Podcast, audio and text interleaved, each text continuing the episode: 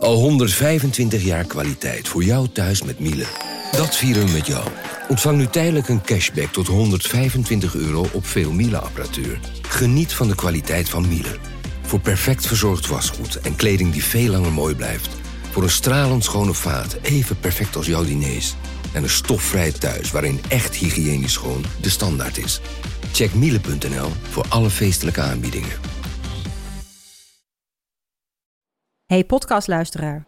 Ook op zoek naar een relevante invulling van je schaarse luisteruren? Tune dan in op de podcastserie ESG, even samengevat van BNP Paribas. Wij, Marloes en Aldert, spreken daar duurzame voorlopers en wereldverbeteraars. Waarover dan? Nou, bijvoorbeeld of we ooit duurzaam kunnen gaan vliegen. En waarom koeien in de stad nou een goed idee is? Dat en meer elke twee weken in een nieuwe aflevering. Dus abonneer je. ESG, even samengevat.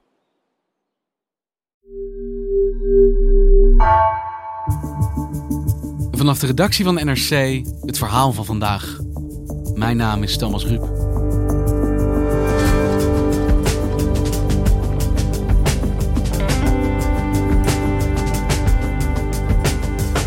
Het is geen geheim. Nederland kampte tijdens het levendeel van de coronacrisis met te weinig testcapaciteit. Veel te weinig. Maar we wisten toch dat er een tweede golf aankwam. En hoe belangrijk testen is tijdens een epidemie. Dirk Stokmans deed samen met Mark Lievisse Adriaanse onderzoek naar hoe dat kon gebeuren. Waar ging het mis?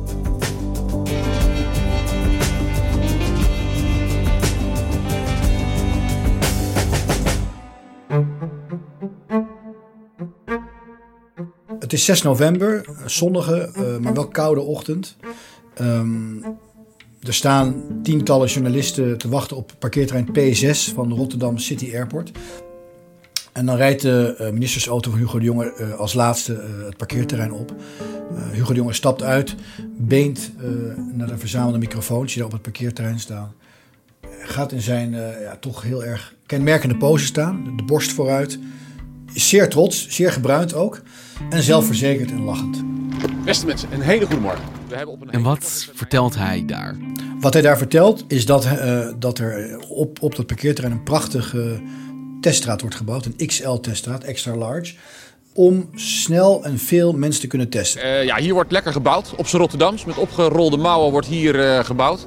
En dat is precies ook wat we nodig hebben. We hebben op een hele korte termijn heel veel meer testcapaciteit nodig. Zodat als die tweede golf daadwerkelijk gebroken is, we ook alles doen om, hem, ja, om dat virus eronder te houden. Dat is ongelooflijk nodig namelijk.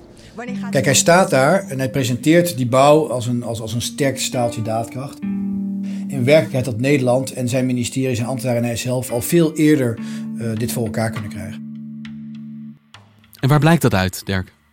Kijk, wat er gebeurde uh, um, aan het eind van de zomer was dat je natuurlijk zag dat, dat uh, mensen niet meer getest konden worden. Hè. Ze moesten eindeloos in de wacht of konden geen testlocatie vinden. Wilt u ons alstublieft over 30 minuten nog eens bellen?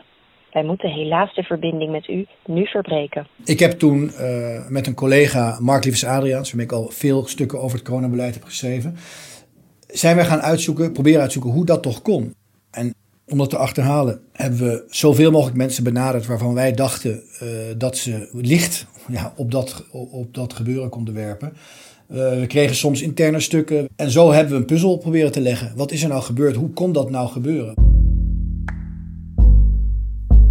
Een simpele vraag die niet zo gemakkelijk te beantwoorden is: hoe kan het nou dat Nederland met te weinig testcapaciteit blijft zitten? En waar beginnen we als we die vraag willen beantwoorden?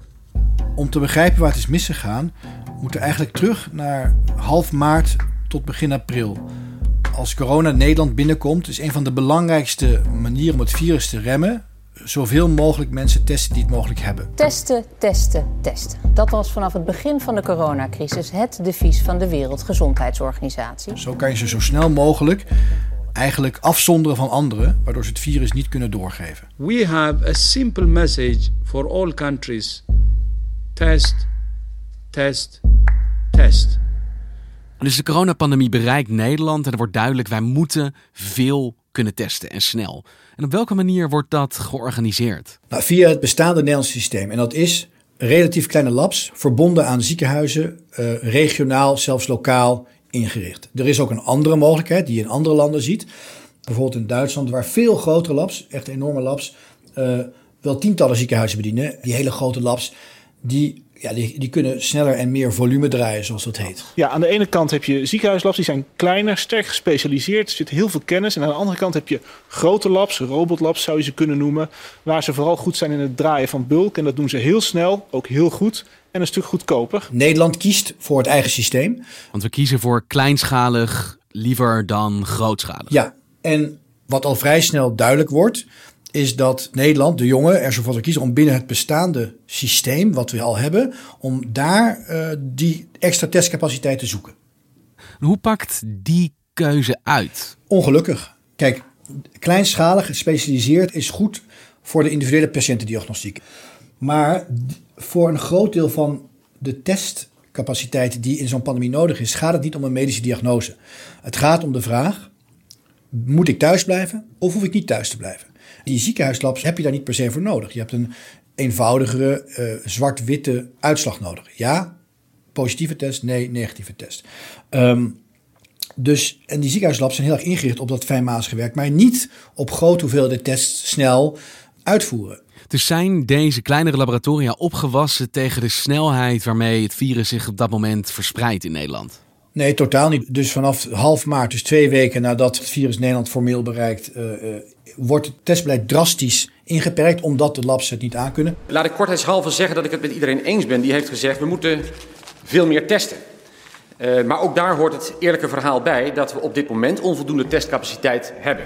Om een idee te geven, hier is al een dreigend tekort aan. Dus gewoon deze simpele uh, afname, swaps. Het is alle hens aan dek in de laboratoria waar getest wordt op corona. Ik ben er wel een beetje van geschrokken, ja. Dat, Want hoeveel wordt er op dat moment getest in Nederland en hoeveel schiet dat tekort? Uh, 14.000 per dag. Uh, maar het is dus een heel beperkt uh, testbeleid. Dus ja, Hugo de Jonge die begint aan een uh, plan om die capaciteit meer dan te verdubbelen. Wat hij doet is hij stelt mensen aan in, sleutelposities om die testcapaciteit op te hogen, die komen uit de wereld van de ziekenhuislab. Sterker nog, dat zijn mensen van de uh, beroepsvereniging voor medisch microbiologen en van de belangenvereniging van de ziekenhuislabs. Dus mensen die, ja, die ademen uh, die wereld en die zijn ook uh, aangesteld om die wereld ook te beschermen en de belangen daarvan te behartigen. Nu moeten ze dat systeem wat ze koesteren, waarvan ze houden, eigenlijk ja, een ander karakter geven. Op 2 april komt er s'avonds laat bij ambtenaren van het ministerie een mail binnen van Holland Bio. Holland Bio is een belangenvereniging voor de biotechnologische industrie. Um, die zijn gevraagd om eens te kijken uh, of er onder hun leden PCR-testcapaciteit is. De PCR-test is, is, is de standaard voor coronatesten. Mm-hmm. Nou, en, en in die mail zit, een, uh, uh, zit ja, fijne informatie voor het ministerie. Want ze hebben een snelle inventarisatie gedaan. En uh, leden in Nederland, hè, met locatie in Nederland, kunnen tot wel 60.000 tests per dag leveren aan PCR-capaciteit. Het is eigenlijk heel goed nieuws, want het ministerie kan met een tekort. En zij zeggen, nou, dat kunnen wij voor jullie oplossen. Ja, en, uh, maar het ministerie zegt, dankjewel, dat hebben we niet nodig. Ze gaan niet in op dit aanbod? Nee. En waarom gaan ze daar dan niet op in? Als Nederland klaarblijkelijk kan met een tekort aan capaciteit en ja, Holland Bio dat kan oplossen blijkbaar. Zoals Hugo de Jonge later ook aan de Kamer zal schrijven. Er is aangeboden vanuit bedrijf en instelling, maar die capaciteit is niet urgent. Want we kunnen het doen met de labs die we al hebben. Hugo de Jonge zegt, wij hebben wel genoeg capaciteit, we gaan het wel redden. En ja. Is dat ook zo? Wat je ziet is in april dat er heel veel mensen roepen om tests. Um, maar dat het testbeleid niet wordt verruimd. En een heel bekend voorbeeld is dat in de verzorgingshuizen een tijdje lang personeel niet werd getest. Ja, er ontstond onrust in de samenleving omdat je je niet kon laten testen. Maar we kregen te horen, we konden ons niet laten testen omdat er niet genoeg capaciteit zou zijn. En tegelijkertijd zeg jij, er waren commerciële partijen die zich aandienden bij de overheid en zeiden: laat ons dan meehelpen, want wij hebben wel genoeg capaciteit. Ja, en in de testwereld, in de labwereld, um, wordt dat eigenlijk heel slecht begrepen. En Nederland is gewoon heel, heel zuinig eigenlijk met het, met het uitbreiden van die testcapaciteit. Terwijl in andere landen, Denemarken is een goed voorbeeld, wordt dan al twee keer zoveel per inwoner getest als Nederland. En dat zal in de loop van de weken oplopen tot vier keer zoveel. Og det vi gør nu, det er, at vi skruer op for det i takt med øh, arbejdet for at få skaffet øh, mere testkapacitet. For det er jo en global mangel. En daar wordt al direct uh, bij het begin van de pandemie een plan gemaakt om één groot centraal lab neer te zetten. Waardoor zelfs asymptomatische mensen dan al getest kunnen worden. Bovenop de ziekenhuislabs die ze daar ook hebben. Dus je denkt, ja, maar het kan ook anders. Je kan ook gewoon grote stappen zetten. Wat zit daar dan achter? De vergroting van de capaciteit wordt door Hugo de Jonge toevertrouwd aan mensen die een belangrijke rol hebben in de medische microbiologie. Dat zijn mensen die zelf ook bij die ziekenhuislabs werken. Um, en er zijn eigenlijk een aantal redenen waarom uh, uh, daardoor niet voor grote nieuwe labs wordt gekozen.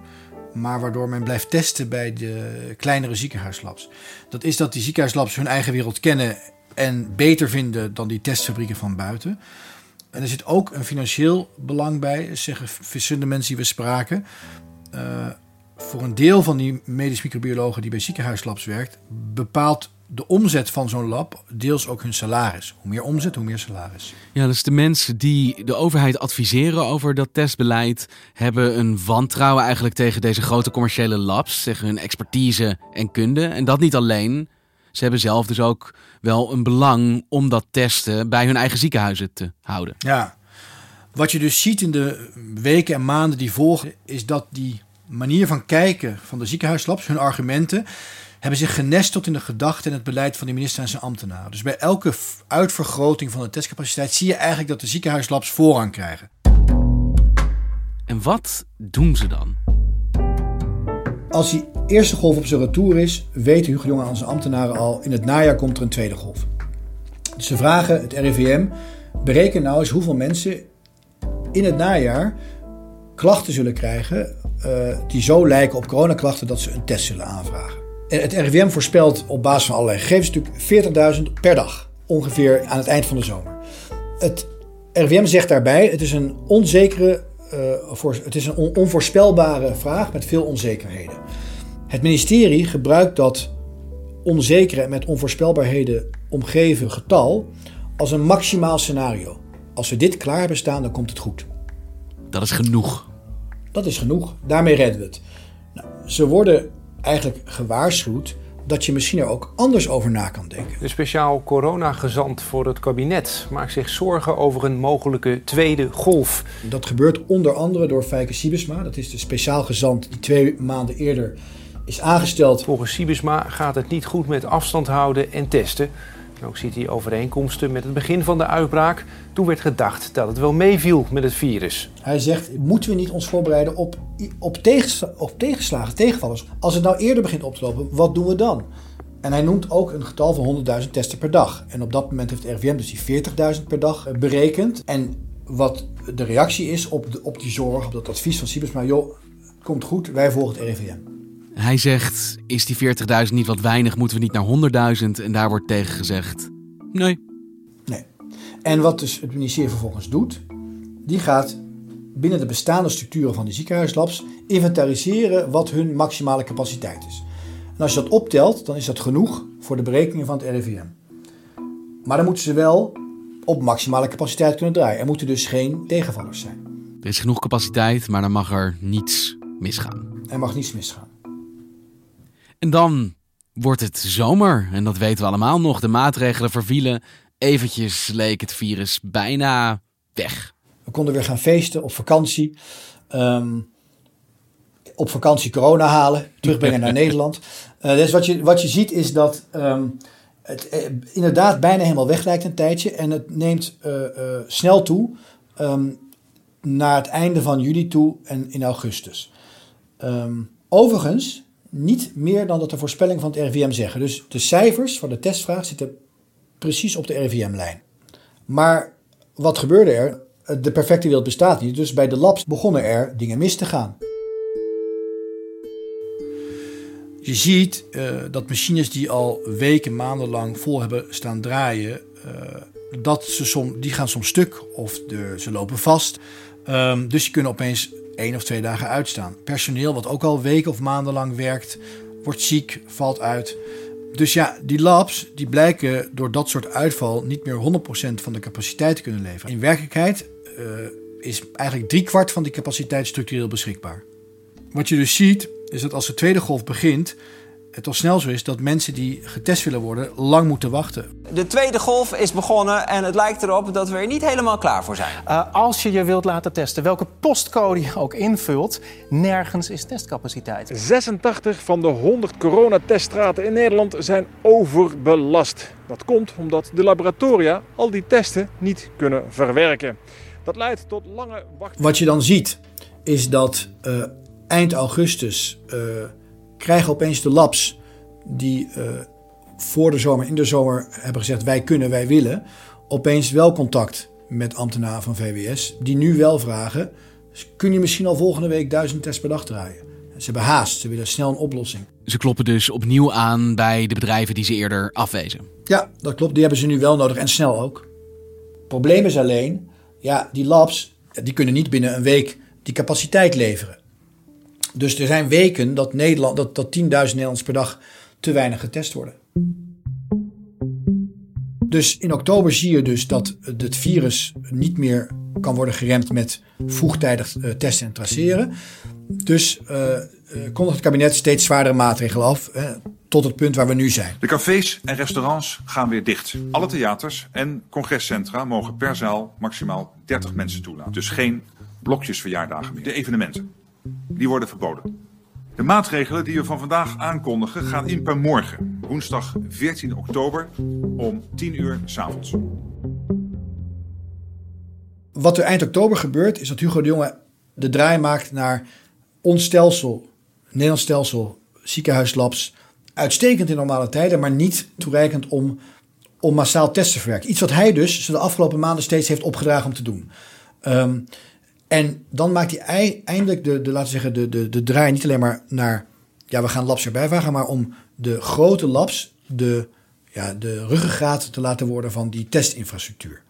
En dat inzicht komt maanden later in andere landen, na de piek van de tweede golf, terwijl we midden in een nieuwe lockdown zitten, waarvan het einde nog niet in zicht is. En hij zegt dus eigenlijk, wij hebben gefaald. We hebben te lang vertrouwd op een systeem dat ontoereikend is in deze situatie. Ja, wat je zou kunnen zeggen is, um, hij ontdekt het in oktober, blijkbaar. Maar er zijn natuurlijk veel meer mensen die dit al maanden in media zeggen, binnenskamers zeggen, uh, tegen de minister ongetwijfeld zeggen. Um, en nu zegt hij het ook. Maar er is wel best wel veel tijd overheen gegaan en een tweede golf en een tweede lockdown. Het is wel belangrijk om erbij te zeggen, het is helemaal niet zeker of we met grote labs niet een tweede golf hadden gehad. Um, er zijn landen waar ze wel grote labs hebben die ook een tweede golf hebben. Maar het is wel zeker dat het beleid wat, wat die dat de minister zelf um, vertelde, beter had worden kunnen uitgevoerd met grote labs. Daar is geen twijfel over. Dat heeft hij namelijk zelf ook uiteindelijk ontdekt. En Dirk, hoe kijken ze op het ministerie hierop terug? Ik neem aan dat je hen ook om een reactie hebt gevraagd naar jullie onderzoek. Nou, we hebben ze uh, vorige week een uh, uitgebreide lijst vragen gestuurd. Um, hun reactie is uh, in, in, grote lijnen dat, hè, dat met de kennis van nu was het inderdaad beter geweest om die grootschalige laboratoria eerder te contracteren.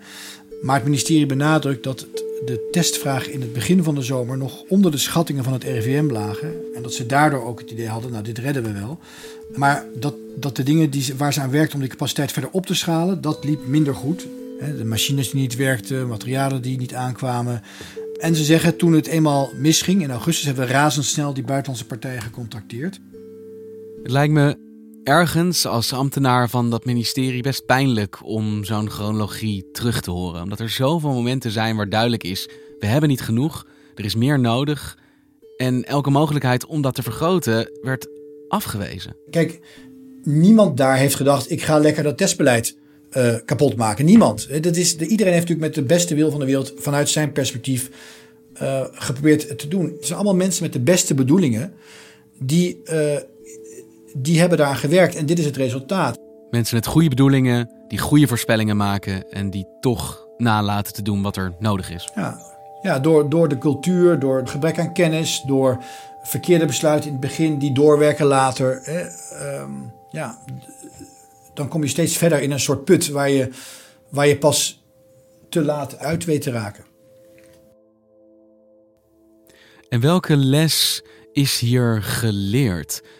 Je ziet die lessen op het parkeerterrein in Rotterdam. Daar staan nu twee enorme hallen binnen drie maanden elkaar gezet, waar allerlei soorten testen worden ingezet op grote schaal. Nu staat het er. Het is in ieder geval te laat voor de tweede golf. Ja, en het had er denk ik ook maanden eerder kunnen staan. Het parkeerterrein was er. De sneltesten waren er in september. Uh, de PCR-testen waren er al veel eerder. Het, alles wat in die, op dat parkeerterrein staat, was er maanden eerder al. Alleen nog niet op het parkeerterrein. En op dat parkeerterrein staat in ieder geval iemand die ogenschijnlijk lijkt te hebben geleerd van zijn fouten. Ja, dat zullen we zien. Dankjewel, Dirk. Graag gedaan.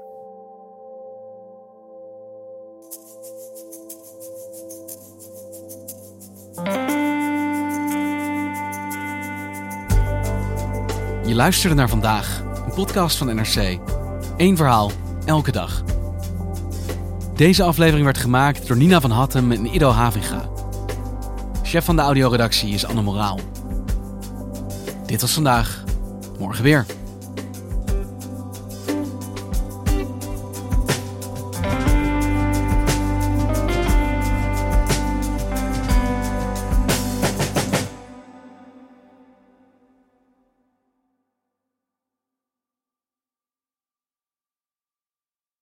Technologie lijkt tegenwoordig het antwoord op iedere uitdaging. Bij PwC zien we dit anders. Als we de potentie van technologie willen benutten, kunnen we niet zonder een menselijk perspectief. Human-led, tech-powered noemen we dat. Ga naar pwc.nl.